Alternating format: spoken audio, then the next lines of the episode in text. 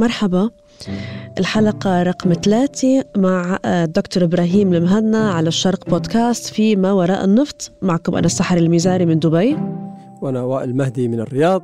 ومعاي في الاستوديو إلى جواري ضيفنا العزيز دكتور إبراهيم المهنا اللي أمتعنا ب يعني حديثه عن أربع عقود من النفط. بدأنا عقدين منها وباقي عقدين ولا زال هناك المزيد من الأحداس طبعا.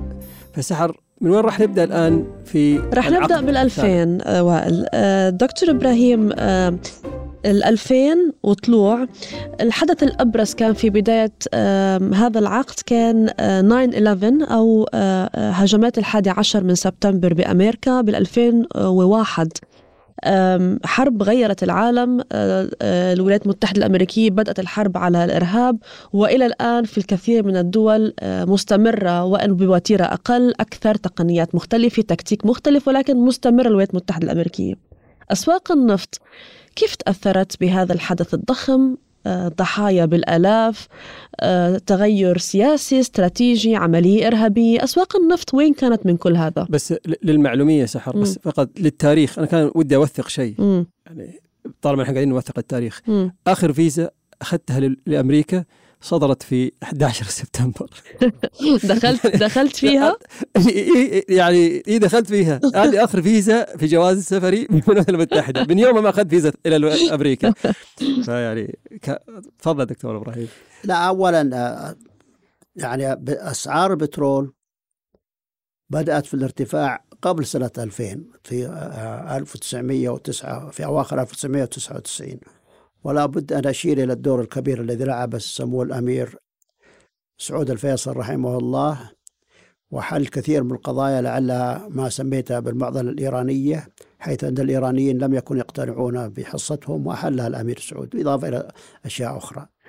11 آه، سبتمبر لم ت... بدأت الأسعار طبعا ترتفع وفي سنة 2000 آه، تعدت ال 20 دولار واتخذت الأوبك قرار مهم جدا اللي هو تحديد نطاق سعري وسعر مستهدف. بس هذا تم أبو هيثم كذلك بالتعاون مع فنزويلا والمكسيك يعني الفترة هذه صح هذا بدأ التعاون التعاون بين الدول هذه بدأ في سنة 1998 عندما انهارت. واستمر واستمر وتطور في نوع ما. ولكن تم تحديد ال ال السقف في أوائل الألفين. ولم تكن ما هو السقف السعر المستهدف والنطاق السعري. ولم تؤثر في الحقيقة أحداث 11 سبتمبر على البترول بشكل مباشر. م. بشكل غير مباشر صحيح. لا أثر عليها. بعد ذلك مثلا الغزو الأمريكي للعراق في 2003 بحجة آه، ربط العراق الحكومة العراقية ب أسلحة الدمار الشامل. الدمار الشامل أسلحة الدمار الشامل بالتعاون مع القاعدة وصون هذا ثبت الآن أنه مو صحيح. م. هذا أدى إلى توقف الإنتاج العراقي والصادرات العراقية م. آه، لفترة طويلة يعني تقريبا. وأثرت الأسعار بدأت ترتفع بعد ذلك وتعدت السعر المستهدف و وارتفعت إلى 50 ثم 60 آه، في ذلك العقد. آه، طبعا الاضطرابات هذه تؤثر على نفسية السوق ولا تؤثر عليها من ناحية العرض والطلب ما عدا ما ذكرت آه، من ناحية الغزو وتوقف الإنتاج والصادرات العراقية. ولكن من الطريف في الموضوع في ذيك في ذلك العام اللي هو 2003 واجه العالم أو عالم النفط عدة مشاكل إضافة إلى العراق كانت في مشاكل في نيجيريا فنزويلا اليابان وتوقف ال ال ال أو زيادة الطلب بسبب مشاكل في الطاقة النووية وبدأ بدأت ترتفع الأسعار آه، فيما بعد. طيب الآن أبو هيثم بداية الألفين كانت يعني فترة مضطربة جيوسياسيا. غزو عراقي وانتهينا واستمرت الدعايات فتره طويلة جدا. ثم بعدين الأمور يعني تحسنت من ناحية الأسعار في السوق ويعني وكان هناك زيادة في الطلب. دخلنا في 2005 الأمر اللافت اللي أتذكره في 2004 2005 هو كان هو ظهور نظرية الم... ذروة الطلب على النفط. هذه النظرية كذلك ساهمت في خلق جو من خلينا نقول العدائية تجاه يعني الد- الدول المنتجة. إن أصبح الآن الدول المستهلكة قلقة وخا يعني على مستقبلها النفطي فصاروا يعني يطالبون الدول المنتجة بزيادة إنتاجها والاستثمار أكثر في لرفع الطاقات. مم. في ذات ال- في ذات الوقت أبو هيثم هذا عزز كذلك الأسعار. يعني خلى الآن الأسعار ظهرت في ذاك الوقت الناس يتنبؤون إن الأسعار راح توصل إلى 100 دولار تتذكر بسبب الن- النظريات هذه. آه النضريه ما أثبتت صحتها كما هو واضح اليوم لأن العالم الآن لا زال ينتج بكميات كبيرة جدا. فحدثنا عن الف- فت... آه، نظرية الم... ال- ال- النفط والكتاب اللي كتبه مات سيمنز لو تتذكر أبو هيثم. هذا الكتاب يعني قلب الدنيا كلها على السعودية. ذكرنا بالفترة هذه وشلون كتاب مات سيمنز قلب الدنيا كلها على السعودية وأنت أول الأشخاص اللي تأثرت يعني بهذا الكتاب وكنت تحاول تواجهه اعلاميا. وائل أنا بدي هذا الكتاب. عندك إياه؟ موجود. طيب أنا بدي اقراه يعني ك- آه، الصراحه آه. إحنا إحنا أول شيء راح ن- نخلص كتاب الدكتور إبراهيم يعطينا نسخة إحنا خلصنا هذا الكتاب. إحنا رح. ننتظر النسخة الجديدة لأنه آه، دكتور مهنا عم بيحضر كتاب جديد رح يحكي لنا عنه بعدين. طيب تفضل. هو ذروة النفط كنظرية تقريبا من ال- من بداية القرن العشرين تذهب وتقوى وتنخفض. ما الذي حصل؟ في منتصف ال- العقد الأول من ال- القرن الواحد والعشرين أن الأسعار بدأت ترتفع وبدأت آه، قضية ذروة النفط آه، تأخذ اهتمام إعلامي واهتمام سياسي مم. على سبيل المثال كان نات سيمنز وغيره يقولون السعودية لن- تستطيع زيادة إنتاجها لأنها وصلت إلى إلى الحد الأعلى وليس فقط هذا بل أن الإنتاج السعودي سينخفض وسيستمر في الخفض هذا طبعا إحنا وقفنا ضد الكتاب والأفكار هذه لأنها خطأ خطأ خطأ وتضر أكثر مما تفيد. بس هو أجرى بحث طويل. يا ابو هيثم يعني في الكتاب أنا قرأت الكتاب الرجل يعني آه، راجع العديد من يعني آه، الأوراق اللي آه، البحثية اللي نشرتها Society of Petroleum Engineers تمام بجمعيه البترول ال- ال- ال- شو اسمه هذا؟ ال- والله المهندسين يعني البترول آه عفوا. ما هو كان دقيق ما هو دقيق ابدا Matt Simmons. ولكنه صار اكتسب اعلاميا. آه، زخم اعلاميا بسبب ارتفاع أسعار البترول. آه، ولكن اللي أهم منه وطبعا إحنا لا نريد أحد يشكك في مصداقية المملكة عندما نقول إن عندنا الطاقة الإنتاجية الفائضة وعندنا استعداد نزيد الإنتاج عندما يكون هنالك حاجة إلى ذلك وعندما السوق تستطيع آه، تطلب ذلك. بالطبع بالتنسيق والتعاون مع الدول المنتجة بالذات الأوبك آنذاك. نعم. يعني أي واحد يشكك في مصداقيتنا لازم نقف ضده ونحاربه. طبعا. طيب. خلينا نمشي بالسنوات. ولكن أيوه. إيه خلينا نمشي بالسنوات شوي آه لقدام ونوصل للأزمة المالية بال- بين 2007 و2008 كانت يعني ال- الأسوأ من ال 1929 آم، أو ما يسمى بالكساد الكبير. آه، الأزمة المالية هاي رح نرجع نحكي عنها بعدين. آه، نحن آه، معك آه، دكتور مهنا ونقارن بين هاي الأزمة المالية واللي عم بيصير بأيامنا الحالية. ولكن قبل ما نقارن رجعنا بالزمن لل 2008 أسواق النفط كيف تعاملت مع هاي الأزمة المالية اللي بلشت بالولايات المتحدة الأمريكية وراحت تبعاتها لكل أنحاء العالم؟ وهو هو- السؤال الاهم أبو هيثم. ليش أسعار النفط وصلت إلى 147 دولار في منتصف عام 2008 هذا الحدث كلنا ما ننسى إلى اليوم. لا الأسعار بدأت في الارتفاع في 2007 بدأت في الارتفاع ارتفاع تدريجي تدريجي مم. متكامل. ب- آه، واستمرت في 2008 كانت مدفوعة بعدة عوامل. العامل الأول آه، فكرة نظام النفط سرعة نظام العامل الثاني حديث بعض ال- المصادر ما فيها وكالة الطاقة الدولية بأن هناك طاقة إنتاجية محدودة بمعنى آخر. آه، لا يستطيع دول مثل السعودية زيادة إنتاجها. والعامل الثالث كان الطلب العالمي والنمو الاقتصادي العالمي. الطلب على البترول كان مرتفع وبالذات في الصين. مم. في الصين وفي دول آسيا كلها كان مرتفع. وكان هناك تخوف.